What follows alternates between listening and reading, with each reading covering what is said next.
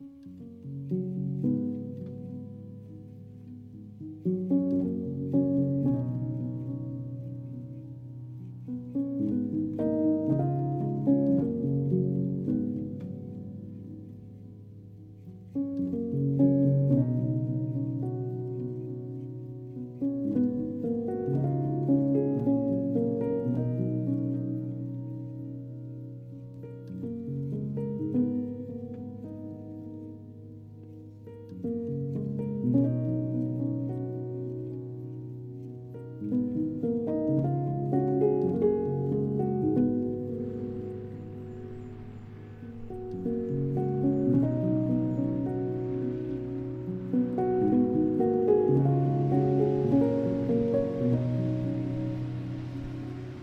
aldrei upplifað svona rigningu áður sko.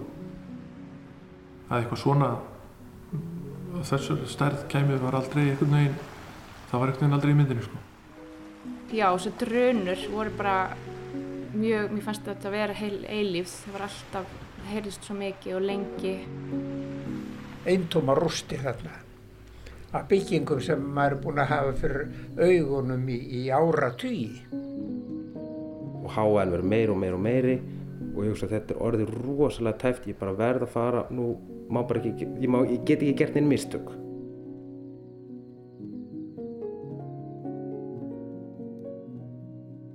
Hvernig myndir þú bregðast við, kæri hlustandi, ef 75.000 rúmmetrar af grjóti og leðju nálgast þig á ógnar hraða, húsið þitt eða vinnustæðin þinn? Í næstu þremur þáttum ætla ég að fjallum stærstu skriðu sem fallið hefur í byggð á Íslandi, skriðu sem hjó stórt skarð í byggðin á seðisfyrði og tók með sér hluta af trösti bæjarbúa til fjallana. Hvernig fólki á seðisfyrði uppliði þennan dag, 18. desember síðastliðin, hvernig allir sluppu nömlega með skrekkin og hvernig þetta sama fólk þarf að sættast við fjallið í framhaldinu. Ég heiti Hólmfríður Dagni Fríðjánsdóttir og þú ert að lusta á fyrsta þátt af þremur af þáttaröðinni Fjallið ræður. Þessa daga áður hafði ég alltaf verið svona rosalega meðvitaður um hættuna. Ég held að myndi aldrei fara á skiparsmiðastöðuna. Mér fannst það bara ekki vera svæði þar sem, að, þar sem eitthvað myndi gerast.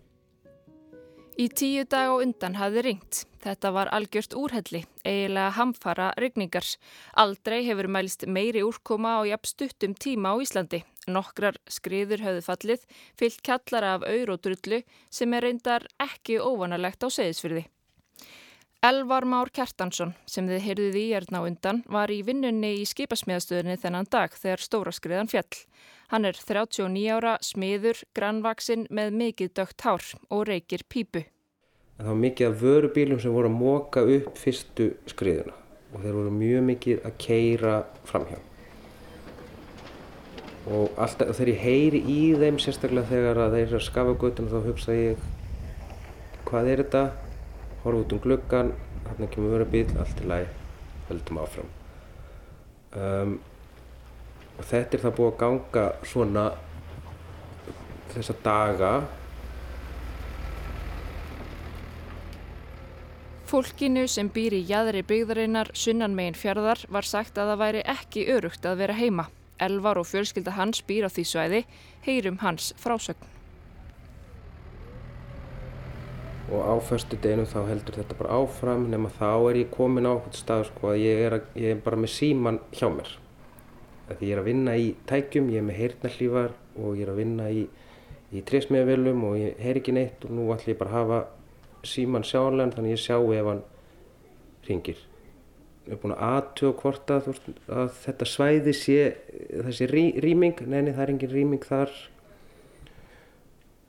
Ég tala við eitthvað fólk sko, bara svona segjum að ég sé vinnaður, ekkert að láta vita endilega, bara svona í ykkur spjalli og já, það, ok, það er, skiljum það og, og hérna, það á nú alveg að vera örugt og svo fyrir ég aftur í vinnuna eftir háti síðan er ég bara akkurat ekki að menni tæki gangi, ég held bara á einhverjum er, er, er að skoða það sem ég er að smíða og aðeins að, aðeins að hugsa hvað ég á að gera næst.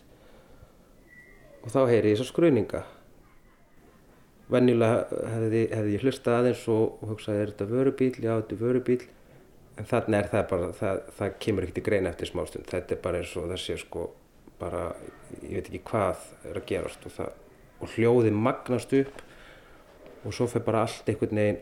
Og skiparsmiðastöðin er mjög stór bygging. Hún er, sko grunnfluturinn er næstu í 500 fermetrar. Risastór timburhús og það fyrir að þyrla í öllu og ég veist að þetta er bara, þetta er mjög óæðilegt nú þarf ég bara að fara og fyrir að stað.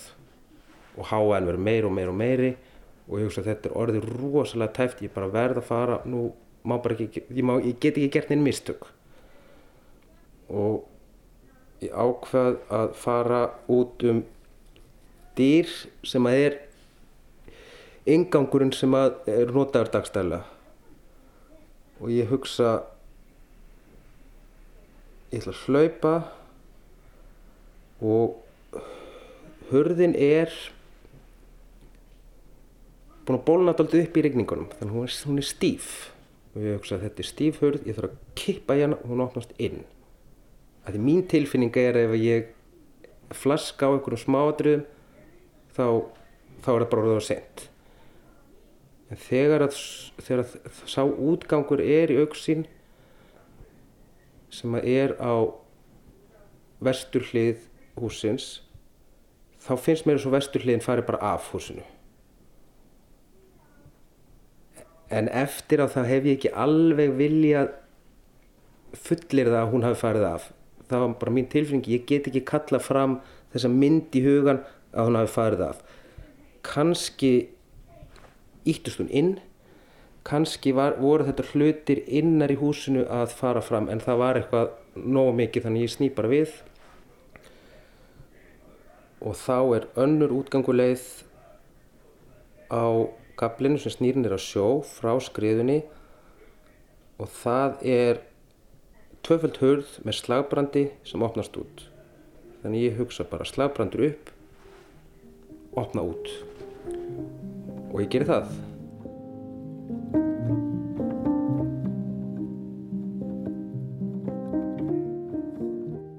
kem út.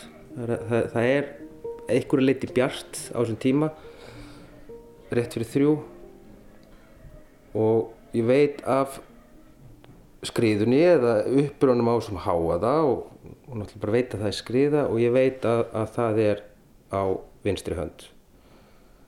Þannig ég er, ég, ég er ekki svona hugsa um að fara þangað. En ég fer út og ég sé bílinn. Og það er engin skriða en bílinn er að vakka sér fram og tilbaka. Hann er bara eins og svona ótreyfullur hundur sem að er að hann er bara svona að rugga sér fram og tilbaka. Ég veit alveg í hvað átt ég á að fara og það er bara, það er örlítið, örlítið plás meðfram húsinu og sjónum. Og ég hleyp þar meðfram og þessi háað er náttúrulega orðin sko alveg svakalegur og þá veit ég ekki hvað er að gerast fyrir ofan húsið. Ég hef enga yfirsýn, ég veit ekki hvað er að gerast fyrir ofan húsið. Og ég veit ekki hva, hvernig þetta mun líta út fyrir mér þegar ég kem að horninu. Þegar ég kem að horninu sé ég ekki neitt, ég sé enga eðileggingu á húsinu, ég sé enga skriðu. Og ég hleyp einustu leið kannski 100 metra ekki, einu svona 100 metra og þá lít ég við og þá er bara húsið farið. Eða húsið er ekki farið, húsið er að fara. Og hliðin á skiparsmiðstöðun er, er hérna stálgrindarhús nýri skiparsmiðstöð 12 metra há. Það hús er bara líka að fara. Um, og fyrir ofan götu er tækminnisafnið í tveggjahæða húsi og það bara springur hotnið á, á henni springur af.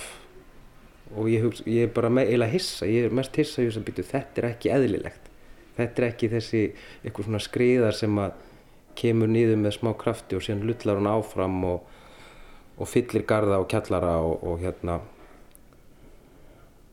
Þá snýjum við og hanna ringir hún er í pínlega smá uppnámi og ég bara segi við hann að það sé bara alltaf mig, ég er bara alveg í fínulegi, alveg stráheill, bara ekki, alveg örugur.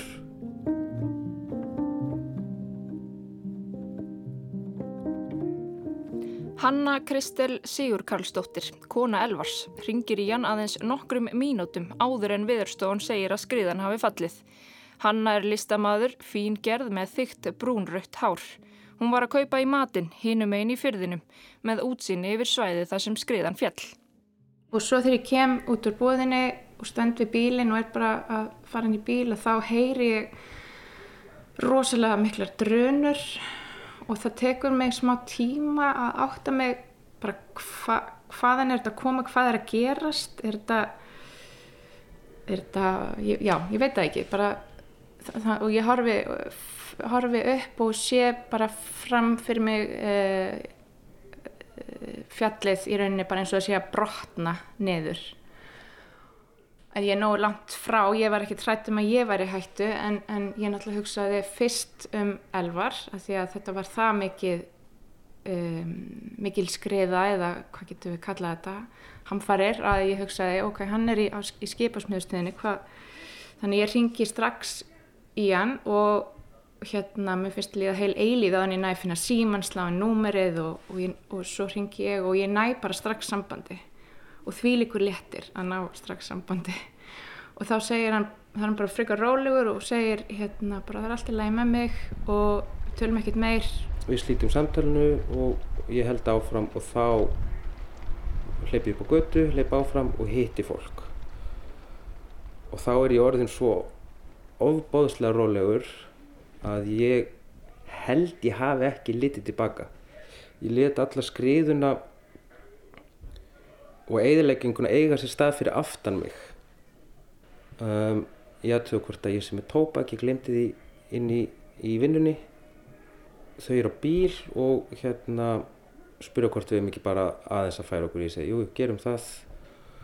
Og svo horfi ég bara upp í fjallið fylgjast með ég man ekki einu svona eftir hvort það hafi verið lætið þarna. Í minningunni þá er bara þá er þetta óskupennilegu dagur. Engin, engin skruðningar eða læti. Og við kerum á stað og það síðasta sem ég sé er alveg við skipasmiðstöðuna eða mjög nálagt er Angró, gammalt bryggjuhús. Og ég sé að það er að sópast að því húsi e- eitthvað brak og við kerum í burtu.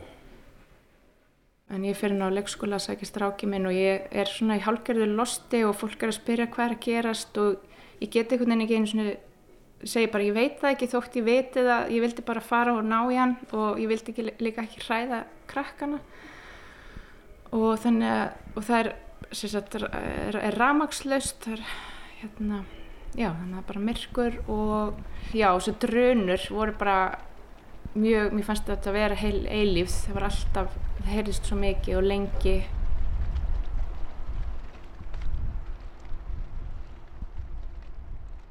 Skriðan tók með sér 12 hús, sum fór út í sjó, tveggja hæða hús snýrust um 180 gráður. Bílar sem lendu í skriðinu eru flestir brotajárn. Alltaf 30 manns voru á svæðinu þegar hún fjall, 5 mínútur yfir þrjú á föstudegi, þegar margir voru á ferli. Sumir á leiðinni til og frá vinnu, aðrir í skoðunarferð. Það hefði jú mikið gengið á dagan á undan. Í fyrstu var því talið að einhverjir hefðu lend í eða undir skriðunni. Já, ég heiti Haraldur Geir Eðvaldsson, slökkulistjóri hjá Brunaröldum Östurlandi. Haraldur er 43 ára, yfir 2 metrar á hæð og ákaflega vinalegur, eiginlega stereotýpa af slökkulismanni. Hvað leiði langur tími þángar til þið fullviðsjöðuð ykkur um að það væri enginn aðna á söðinu? Það sko, þángar til að endanlega staðfesting kom leiði svolítið tími því að það var svo sem ekki alveg vita hvort það hefði einhver verið á ferðinni. En hérna, mjög fljótlega voru voru svona óstafesta fréttir að það væri engin annan en það leið tölur tímið þangu til að endanleg staðfesting kom á því að það væri engin hann undir. Það hefði svo sliðið rúmlega klukkutími þangu til að endanleg þangu til að ég heyrði af endanleg staðfestingu. Annars er tímin allur í einhvern veginn ruggli í þessu Haraldur var á samt fleirum í björgunarsveitarhúsinu Sæbóli á Seyðisfyrði þegar skriðan fjall. Fólki sem var þar í dýragættinni sá skriðuna stefna á húsið en aurin og leðjan fór rétt fram hjá húsinu.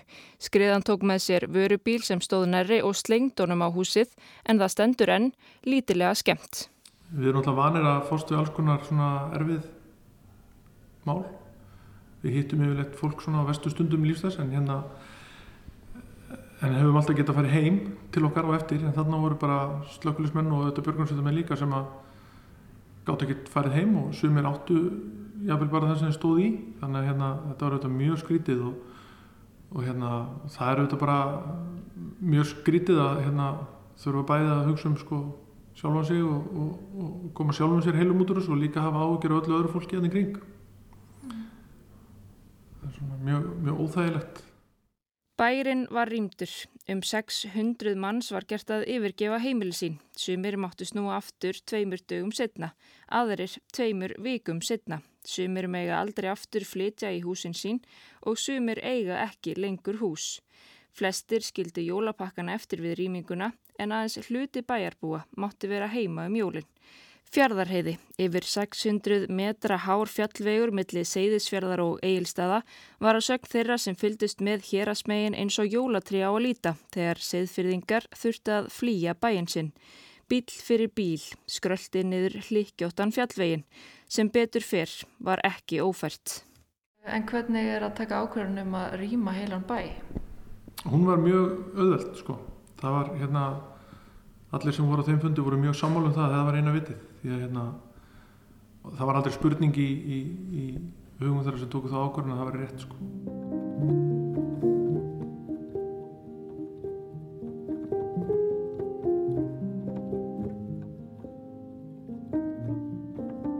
Ég heiti Jóhann Björn Sveinbjörnsson og ég er búinn að búa hérna náttúrulega með lögheimili allan næstuði 87 ár. Eins og oft fyrir austan byrjuðum við Jóhann á því að fara yfir ættfröðina þegar það kom til tals að ég var í sjálf ofan af héræði frá sveitabænum Flúðum. Tengi ég það við Braga? Já, afi minn. Já, já, já, já, alveg rétt, þetta var dóttir Braga. Nei, dóttursdóttir. Dótturdóttir, svona er þetta hjá manni. eins og amma. Já, ég var vel eftir þeim. Já. Já, já, ég sé hann alveg fyrir mér, sko. Já, já, já, já, þekktumst vel, sko.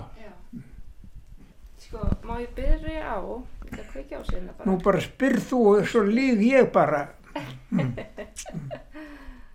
En var ekki skrítið að þurfa að yfirgefa bæinn og með öllum öðrum? Já, þetta er skrítið náttúrulega, auðvitað er það skrítið. Það myndi, myndi mig svo lítið á það þegar að- á, á strísárunum, þegar voru flugvélar yfir í, á, á nóttunni, að þá var bærin alltaf myrkvaður og það þurfti að slökkva náttúrulega í öllum húsum, en þá var, var maður reikin undir borð og látum dúsa þar meðan að flugvélarnar voru yfir og, og svona í, í, í kolsvarta myrkri. Og uh, það er það eina sem var manni fast uh, svona óhugulegt í, stríðinu. Elvar, sem við heyrðum í áðan og flúði úr skipasmíðastöðinni eftir að hlýðin brast, var fastur handan skriðunar. Það var ekki talið örugt að vera á skriðusvæðinu fyrir utan að það var erfitt að komast yfir hana. Örin var um fjórir metrar þar sem hann var þykastur. Elvar fekk inni á samt tveimur öðrum í sömu stöðu á Sveitabæ utar í fyrðinu. Hann gekk áleiðis að skriðinu daginn eftir í blíðskapar veðri. Eftir rigningar í meirinn viku var loksins stytt upp á Seyðisfyrði. Daginn eftir er þetta farið að verða sko pínu erfitt með svona, maður mað vildi hreyfa sig og líka sko bara tópaksleysi var farið að segja til sín. Já. Og hérna löpum að stað, að bara löpa át fyrir maður. Þetta er bjartur dagur, engin rigning. Við bara löpum að stað, ætlum að, aðeins bara að fara í gönguferð. Allir lækir og alveg tærir. Við löpum alltaf lengur og lengra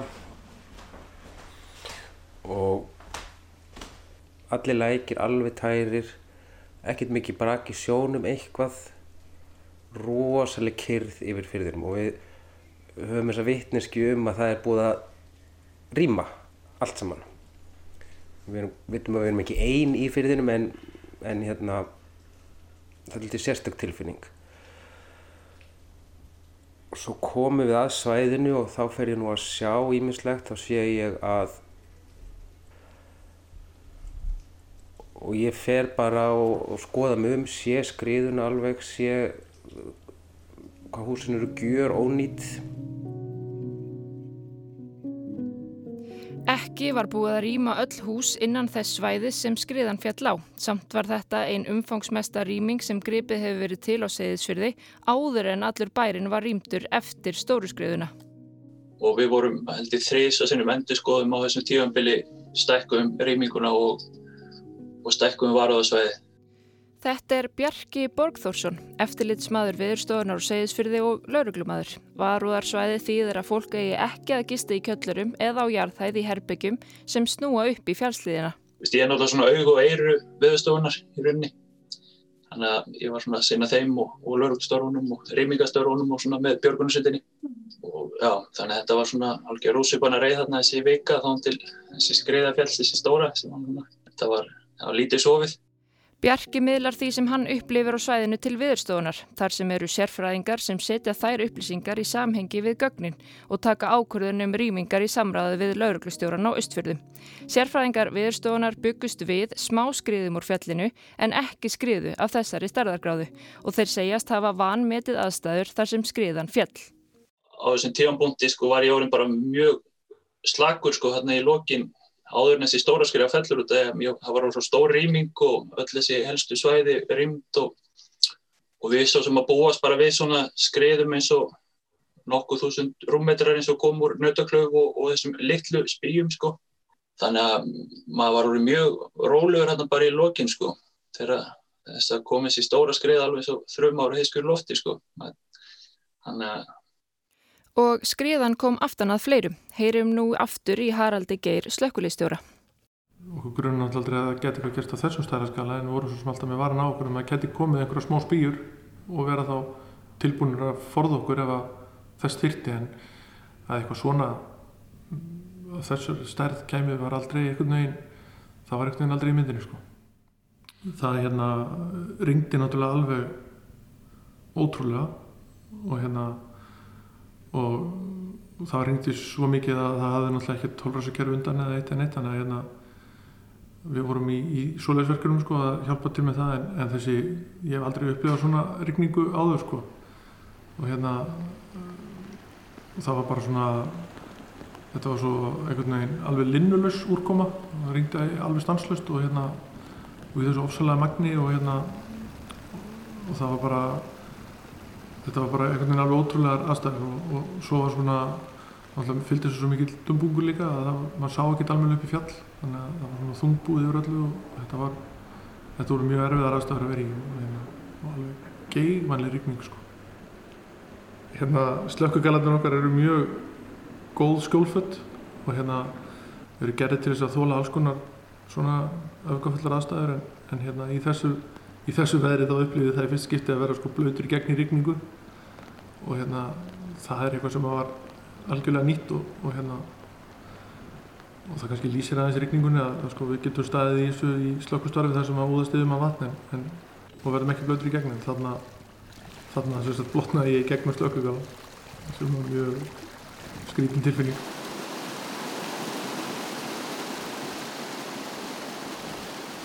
Bjarki segir að í vikuna undan hafi ringt meira en var spáð og það hafi verið mikill munur á úrkomunu innan fjörðar. Rigningin hafi komið inn með fjallinu sem að lokum brast. Veðurspáðum var alltaf þannig að þetta var alltaf að enda, víst, víst, eins og bara þarna á 50. kvöldinu sko, þá var ég að var sagt vaktmaðurinn íbúin að tala við veðurstofuna eða veðurfræðing og hann sagði að það verið svona mestalagi svona 7 mm á tíman í kvöld og nótt og ég stóð úti bara, það getur ekki verið, það er miklu meir en 7 hérna sko og þá komu nýjastu tölur, já það er 12,9, það er ekki 7 þá átti maxið að vera sjö sko. Þannig að þetta var alltaf svona, veist, það var alltaf alveg miklu minni, meiri regning heldur en það var spáð sko. Þetta bara hætti aldrei sko. Þetta var bara ótrúlega förðulegt veður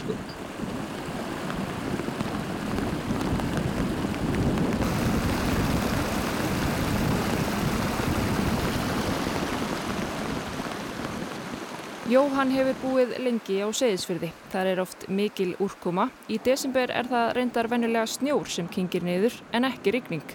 Þennan dag var Jóhann stattur í golfskálanum innar í fyrðinum með félögum sínum. Þar vorum við, sátum við saman og vorum að spjalla. Þú veist að við komum svona saman alveg reglulega þar. Má segja næstu á hverjum degi til þess að tala yllum náungan. Mm. Nú, en það var, það var bara mikil rigning þennan dag og, og alla dagan á undan og var bara í mjög marga daga búið að rigna mikið. Og við vorum stundum einmitt að, að þakka fyrir það að þetta verður rigning en ekki snjór. Þegar þess að hefði þetta verið snjór það hefði allt verið komið á bólakaf. Nú svo er ringt til eins sem er einn frá hjá okkur og sagt að það sé komið skriða á búðareirina og, og þá hlupu allar á stað út eftir. Ég að vísu síðastur ég þurfti að ganga frá ímsu þannig og læsa. Nú og svo bara þegar ég kem út eftir þá hitt ég bara frænda mér hérna fyrir utan á gardarsveginum og erum að spjalla og, og ennþá voru smá svona smá drun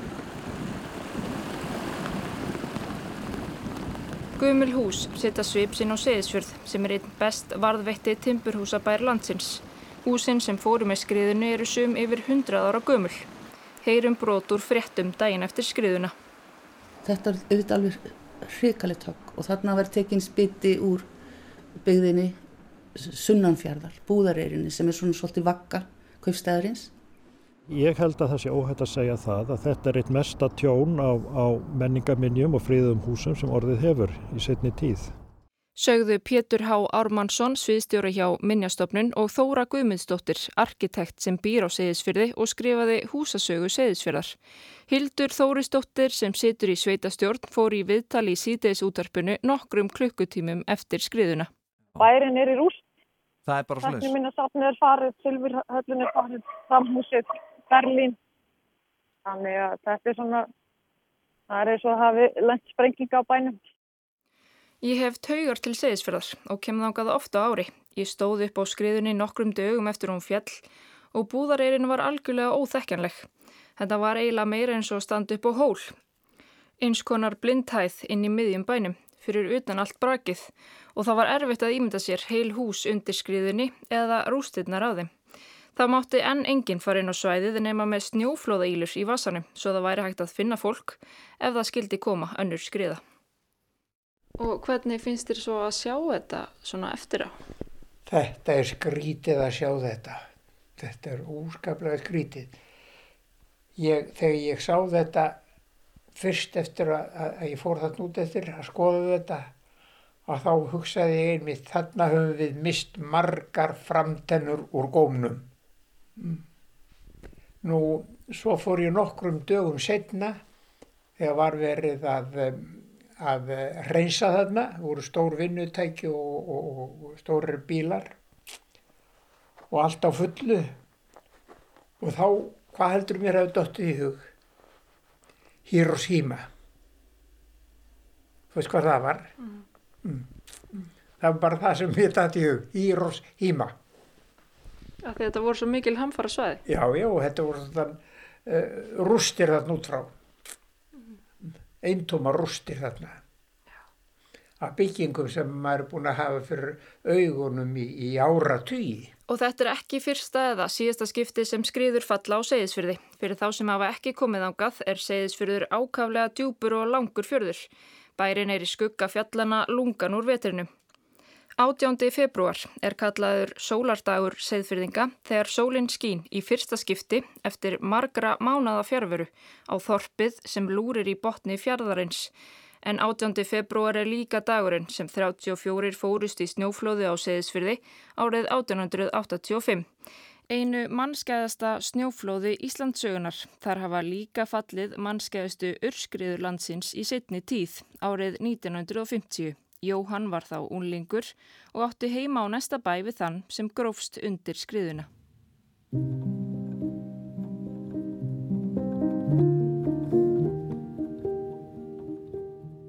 Það var 19. ágúst 1950 og það var ábyggilega laugardagur, minni mig. Og uh, það var þannig að við áttum, eða ég átti heima út á sem var kallað hæð. Það var út við Sildabræðslutnum, þar upp á hæðinu, þar var hús sem hétt hæð. Og um, þar sátum við og vorum með að drekka morgun kaffið vorum að fara að búa okkur í vinnuna á lögardegin, sko, þá var unnið á lögardögun. Mm. Og uh, þá kom, þá kom uh, uh, húsbóndin af, frá húsinu sem fór í skriðinu inn í dyrna til okkar einmitt og, og sáð okkur frá þess að það hefði fallið skriða á húsið hjá honum og allt væri farið, sagðan. Þá var það þannig að hann hafði, það var búið að rigna þetta sömar 1950 og rigna alveg óskaplega mikið, bara allt sömarið, alltaf rigning. Og um, þegar hann sagði þetta, þá stukkum við allir upp ég, pappi minn og bróðir og fórum út eftir. Og ég náttúrulega, ég hljóp út eftir hljópu undan þeim að því ég var miklu léttar, ég var, ég var 16 ára og búin að vera í fimmleikum í, í áhaldafimmleikum í þrjú, fjögur ár og, og alltaf, alltaf íþróttum og svona ég hljópu út eftir. Og um, ég var nefnilega fyrstur að þessu og svo klungraðist ég þarna yfir, yfir það var þá var ennþá mikil ferð þá einmitt á smágrítu og möl, já, möl og, og mold en ennþá að renna þarna yfir, yfir svæði en stærstu björgin þau voru náttúrulega stopp. Og ég stiklaði þarna á þessu og, og fór upp í rústindar af, af húsinu. Og uh, þar heyrði ég í þeirri e-, einu stelpunni sem komst af þarna, þau, fórust fimm. Þessi stelpa hún var, hún var 15 ára. Og hún er, hún er lifandi en þá og um, hún já ég man eftir þess að þegar ég var að þarna e, þetta var, voru stór björg yfir, yfir öllu saman. Þetta var allt í rúst og, og bara stór björg og, og mikill e, vassægi að moldar leðja sem að rann ennþá þarna yfir allt og og þarna undir þessu öllu saman þar heyri ég í stelpunni. Og ég gekk einmitt að á hljóðið og þurfti að, að, að leggjast flatur alveg til þess og, og náði með annari hendin held ég hægri hendin niður og náði til þess að aðeins að koma við hana og, og talaði við hana. Og svona bara reynda að róa hana greið hún var Já, hún var illa, illa og þá hafði hún, þá hafði hún sloppið, hún hafði ekki gramist vegna þess að dívan hafði reist upp á rönd einhvern veginn og, og uh, hún var þar alveg fast skorðuð undir dívaninum. En auðmíkja stelpann þetta, ég mann þetta svo vel vegna þess að, að svo þegar ég fór að kíkja betur niður í þetta að þá sá ég þá var ennþá leðjan sem hún leikum hann alla sko, um, um höfuðu og andlit og, og þú veist að það var erfitt fyrir hann að, að, að tala með sig nú svo, svo kom, kom þarna fólku dreif fólk að og, og menn að með verkværi til þess að að leita Nú, mm, það fljótlega fundust nokkur lík, þau fórust fimm. Blessunarlega tapaði engin lífinu í skriðinni fyrir jól. Í næsta þætti af fjallið ræður sem verður á sama tíma á morgun förstudagin langa heyrum við frá konu sem misti allt í skriðunni og frá upplifun þeirra sem sáu fjallið bresta og áttu fótum fjörað launa daginn er að morni hún skýr þegar sólinn baðar græna grund gefur okkur dýrðar stund bætir heim og léttir lund.